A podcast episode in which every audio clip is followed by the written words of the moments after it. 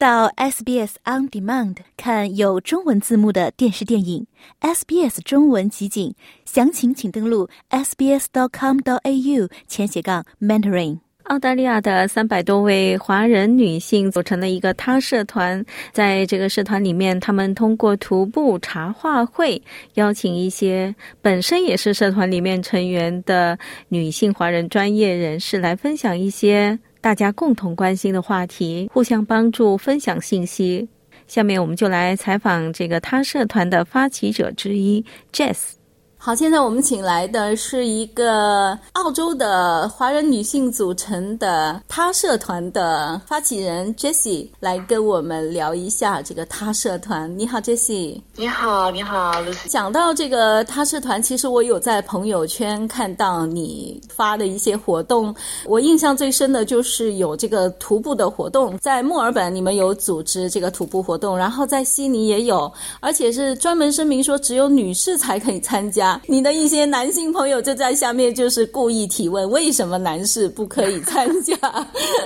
先跟我们说说这个他社团是一个什么样的社团，然后为什么组织徒步男性不能参加？我们他社团呢，它其实是一个希望给澳洲的华人女性提供一个啊类似于树洞啊一样的地方，就是大家可以在这里面畅所欲言，可以聊自己的一些 concern，就是怎么说呢，陪伴。加赋能吧，我们可以就是说，在女性里面有一定的力量，可以大家进行的信息互通啊。我们也会找一些专业人士去指导一些女性健康啊、啊心理健康啊、职场方面啊，还有包括。组织各种各样的茶话会活动或者这种徒步活动，女性总的来讲是可能她的共情力会更强一些，然后我们女性又相对来讲会比较有更多的共同话题，啊，所以说像这种徒步组织的活动，可能如果都是女性。就会有一些平时比较宅的女生，不太擅长和啊男生相处的女生，会感觉更放心，就会出来玩的时候更能够放飞自己的这种天性吧，算是可以玩得更开心一点。这样可能就是让给大家创造一个比较安全的环境，因为可能我接触下来有一些女生，她其实不太擅长跟或者不知道怎么跟男生打交道，但是如果都是女性的话，她会觉得哎放松一些这样。所以，但是我们这里可能要特别声明。说没有歧视男性，或者觉得男性一来就不安全的这个意思，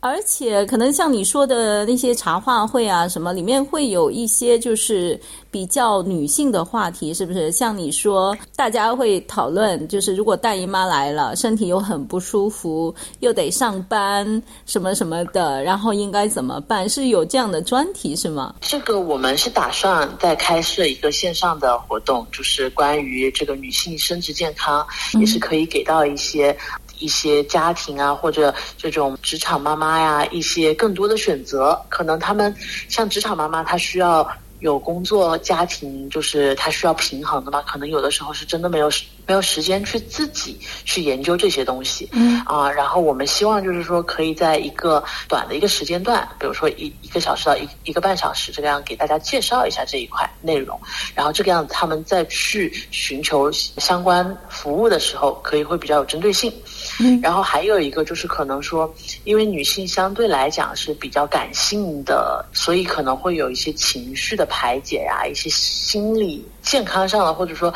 想要抒发的这这种情绪，在就是可能说呃经历到一个阶段的时候会有一些困难。那么在我们这个社团里面呢，可能就有很多人经历过那个阶段。嗯。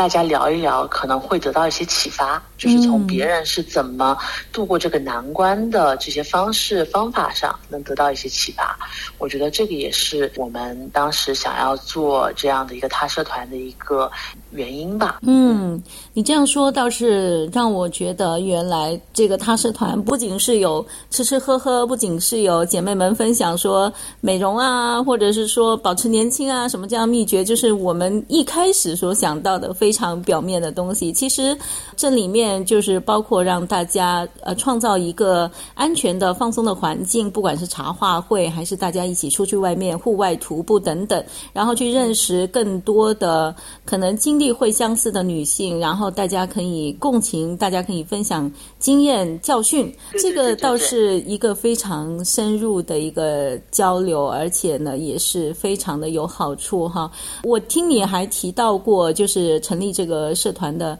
另外一个原因是观察到说，很多到了澳大利亚的这个华人女性，她可能就是还没有拿到永居的签证，或者说没有拿到长期签证。那么为了现在这里。安顿下来，就会好选择的去呃选择任何 offer 给他的工作。那么去上班之后，才发现受到很多剥削，很无奈。其实我们在澳洲也看到，就是说政府相关部门有类似的非常严肃的客观调查的报告，显现这个移民，包括这个移民女性，都是很容易遭到。这种剥削的问题，其实我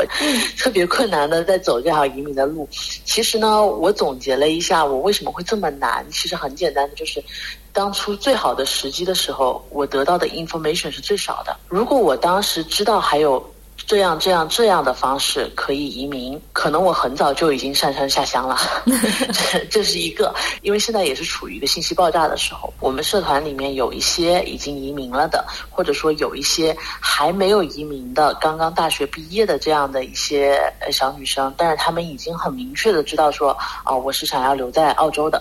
对我是跟很多嗯朋友聊天了以后才意识到，哦，原来这其实也是一个问题。也是我们之前没有说遇到过的问题，所以看来在组织这个他社团一年多的过程当中，你也是听到了很多的故事，有些你可能就是有先想到的，但是有些是没有想到的。没有想到的，是的，是的，是的，包括还有很多啊，女性的朋友是那种。天生性格比较内向，不太敢就是在比如说一个社交环境里面去去展现自己的啊，这样的女性，她们可能就是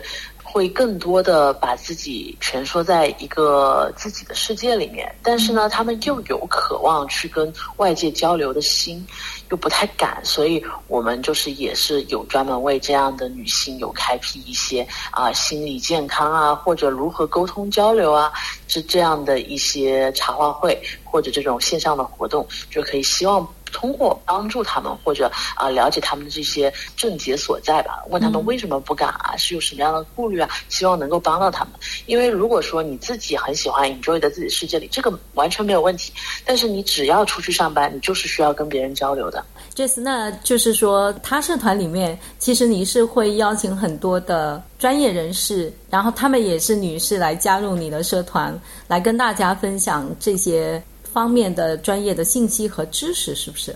是的，而且目前来讲，我们都是纯公益的啊。这些有专业知识的女性，她们也很乐意，嗯，通过分享她们的专业知识，让更多的啊在华人女性能够得到一些帮助或者啊指引。所以说，我们目前都是纯公益的。嗯嗯，那你们刚开始成立的时候，这个社团有多少个人？然后现在有多少人呢？